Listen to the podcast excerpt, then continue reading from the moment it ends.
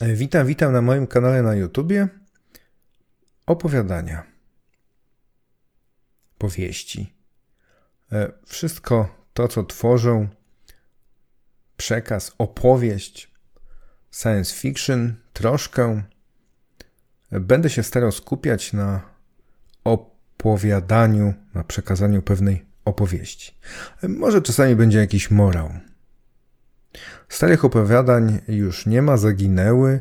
Zresztą pisałem je tak bardzo dawno temu, że trudno byłoby uznać, e, że to są jakby moje, moje, znaczy były, jak to byłem wtedy w podstawówie, to strasznie dawne, stare dzieje, a ja zawsze lubiłem, zresztą no bardzo dużo czytam, no niestety tutaj, e, jakby to powiedzieć, e, Brandon Sanderson, ponownie mam jego nową książkę, nie ponownie, ale kolejną jego nową książkę, on jest dla mnie mistrzem kreowania, mistrzem tworzenia światów, postaci, bohaterów, no w sposób dla mnie niezrównany.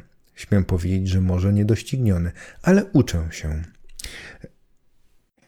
Pierwsze opowiadanie Mogiła. To nie tyle, że o śmierci, ale jest taka pewna mogiła. Jest wiele takich samotnych, pojedynczych mogił, po lasach w Polsce i nie tylko przecież. Nie zawsze wiemy skąd się wzięły, kto w nich leży, jaka była historia czy opowieść tej osoby tam pochowanej.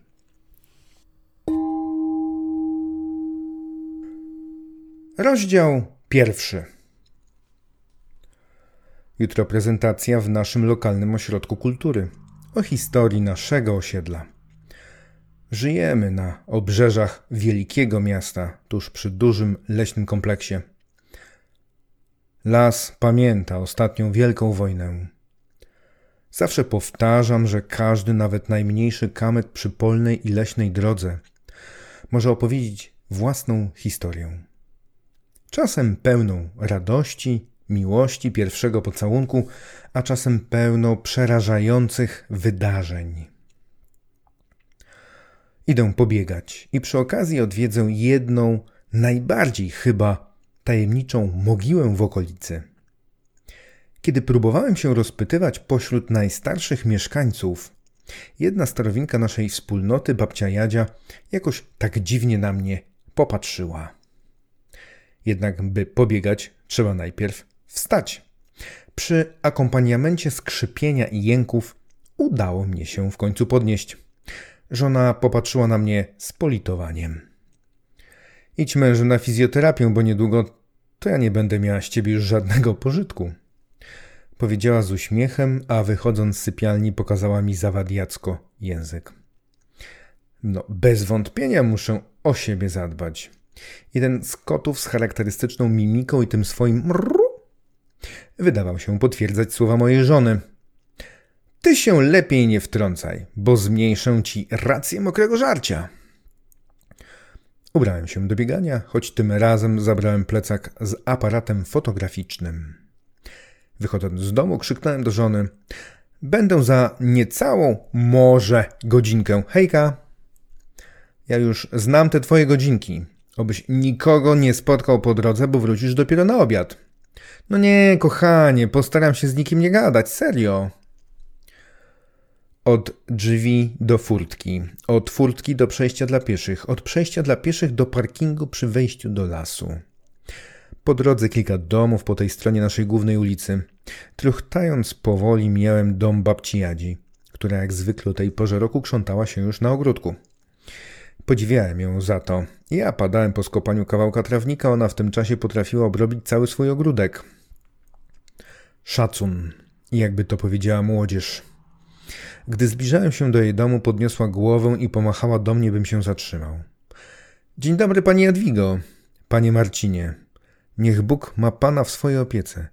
Niech pan wraca do domu. Niech pan nigdzie teraz nie idzie. Mówiąc to coraz bardziej poważnym tonem, uczepiła się mojej lewej ręki. Panie Jadwigo, spokojnie, odparłem, uwalniając swoją rękę. Będzie dobrze. Niech się pani nie martwi, ja już na pewno nie denerwuję. Nie czekając, pobiegłem dalej. Zwariowała czy co? Pomyślałem.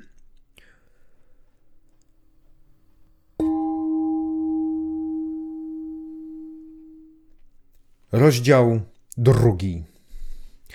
Po kilkudziesięciu metrach jej słowa wzbudziły jednak we mnie pewien niepokój. Od kiedy zapytałem o tamtą mogiłę, zaczęła dziwnie na mnie patrzeć. A dziś te jej słowa. Stanąłem i spojrzałem na smartfon. Nie włączyłem aplikacji do monitorowania tętna i rejestracji trasy. Trudno. Lepiej jeszcze teraz niż w ogóle. Skierowałem się w dół od wejścia do lasu, gruntową polną drogą, która prowadziła mnie do tej mogiły. Jakoś wszystkie dotychczasowe zdjęcia mi nie wyszły, a chciałem mieć dobre ujęcie do jutrzejszej prezentacji. To tylko kilometr. Łatwizna, choć i tak będę zdyszany. Lubię biegać przy dobrej muzyce, a więc słuchawki do uszu, włączenie odtwarzania listy i w drogę. Znam trasę niemal na pamięć. Mogę biec, słuchać i rozmyślać. Dziś w myślach powtórzę sobie to, co jutro chcę powiedzieć na spotkaniu z mieszkańcami. Zbliżałem się do mogiły, kiedy odczułem, że coś jest jednak nie tak. Aż stanąłem. Patrzyłem przed siebie i gdym wiedział, że nie piję, nie biorę żadnych dziwnych środków, to właśnie żałowałem, że tak nie jest. Po mojej lewej las nie taki. W zasadzie jakby dopiero rósł. Nie ma naszej linii energetycznej, a po prawej nie ma zabudowań naszego osiedla i jest jakoś tak pochmurno i pada deszcz. Nawet droga jakaś nie taka. A tam, gdzie pamiętam kanał irygacyjny, jest jakby rzeczka. Rozumiem wizualizację na podstawie opisów, ale mózgu mój kochany, przestań wariować. Z tego dziwnego transu wyrwało mnie. Halt! Hände hoch! No bez jaj! Że co? Jakiś żart? Pomyślałem i odwróciłem się, by zobaczyć żartownisia.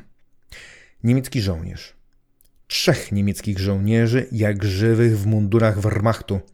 Obok nich wóz, na nim woźnica i aż mnie jeszcze bardziej zamurowała młoda babcia Jadzia. Bewegen Sie sich nicht, powiedział jeden z żołnierzy. Feldfebel, jak wynikało z dystynkcji na mundurze. Panowie, to jakiś żart, prawda? Co to się wyrabia? Bez wątpienia mój głos zdradzał już zdenerwowanie. Żołnierze skierowali karabiny w moją stronę. Nie wierzyłem. Panika we mnie wręcz eksplodowała. Czystym szaleństwem. Rzuciłem się do ucieczki, tylko nie było gdzie. Ani lasu, który przecież powinien tu być, a pojedyncze drzewa po jednej i pole po drugiej stronie nie mogły zapewnić mi żadnego schronienia. Co ja robię? Zdążyłem w myślach zapytać sam siebie, kiedy padł strzał. Jeden. Za to celny i śmiertelny. Padłem na drodze tuż przy wydmie bez życia, w czasie i przestrzeni, do której nie należałem. Byłem martwy, a jednak wyraźnie słyszałem, jak sierżant nakazuje mnie pochować. Begrabezu! Zanim jednak to nastąpiło, ograbił moje zwłoki ze wszystkiego, co miałem. Zostałem w samych slipach. Wszystko to było tak surrealistyczne. Nie żyłem, a swoimi oczami widziałem to, co leżąc mogłem ujrzeć, jakbym jednak był żywy. Pani Jadwiga i ktoś, kogo nie znam, podeszli do mnie i przeciągnęli moje ciało na bok. Pani Jadwiga płakała. Jadwisiu, robimy co każą. Zakopiemy go tu. Może kiedyś po niego wrócimy. Szkoda, że nie znamy nawet jego imienia. Potem czułem, jak mnie przeciągają, spychają do dołu i zakopują.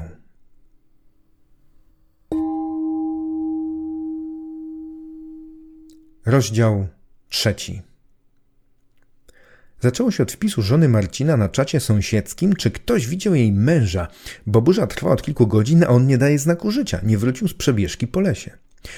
Żona Marcina sprawdziła, czy przypadkiem nie ma go w domu kultury, ale złudna nadzieja prysła po krótkiej rozmowie telefonicznej. Tam go nie było. Sąsiedzi, jak to sąsiedzi na naszych wieckich przedmieściach wielkiego miasta natychmiast się zorganizowali – byli tacy, co poszli do lasu, potem mówili jedynie o dziwnym odczuwaniu zimna w pobliżu samotnej mogiły przy wydmie. Marcina jednak nie znaleźli. Burza trwała i już na czacie pisano, że nikt w sumie takiej tu nie pamięta. Nawet najstarsi w rodzinach. Żona Marcina była coraz bardziej zaniepokojona. Postanowiła pojechać na komisariat i porozmawiać, co ma robić. A może najpierw Spróbuję zadzwonić na 112, pomyślała. Sięgała po telefon, kiedy rozległo się głośne pukanie do drzwi. Podbiegła do nich z nadzieją, że to Marcin wrócił, choć przecież nie musiał pukać do własnych otwartych drzwi do domu. W progu stała pani Jadwiga. Pani Mario. Żona Marcina patrzyła na panią Jadwigę z mieszanym odczuciem zaskoczenia i wkradającej się powoli w jej umysł rezygnacji. Pani Mario, w tej mogile leży pani mąż. Razem z moim tatą zakopaliśmy go tam w 1943.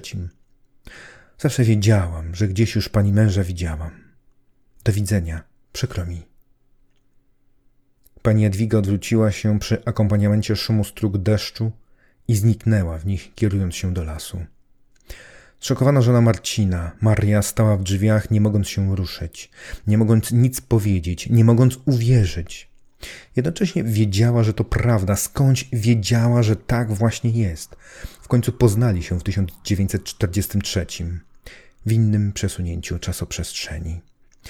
Miała nadzieję, że ucieczka w przyszłość, w inny czas chociaż, w inne miejsce pozwoli im się cieszyć sobą i życiem. Strugi deszczu zacinały poddaszek i Maria miała całe spodnie już przemoczone. Była coraz bardziej przerażona tym, co się stało. Przecież jutro ona może zniknąć i jakby nigdy jej tu nie było.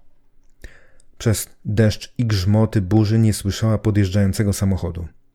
Dwóch mężczyzn i jedna kobieta szli w jej kierunku. Nie przejmowali się deszczem. Parasolki nic by nie dała, koptury niepotrzebnie mogłyby ją przestraszyć. Maria wiedziała, że oni wiedzą.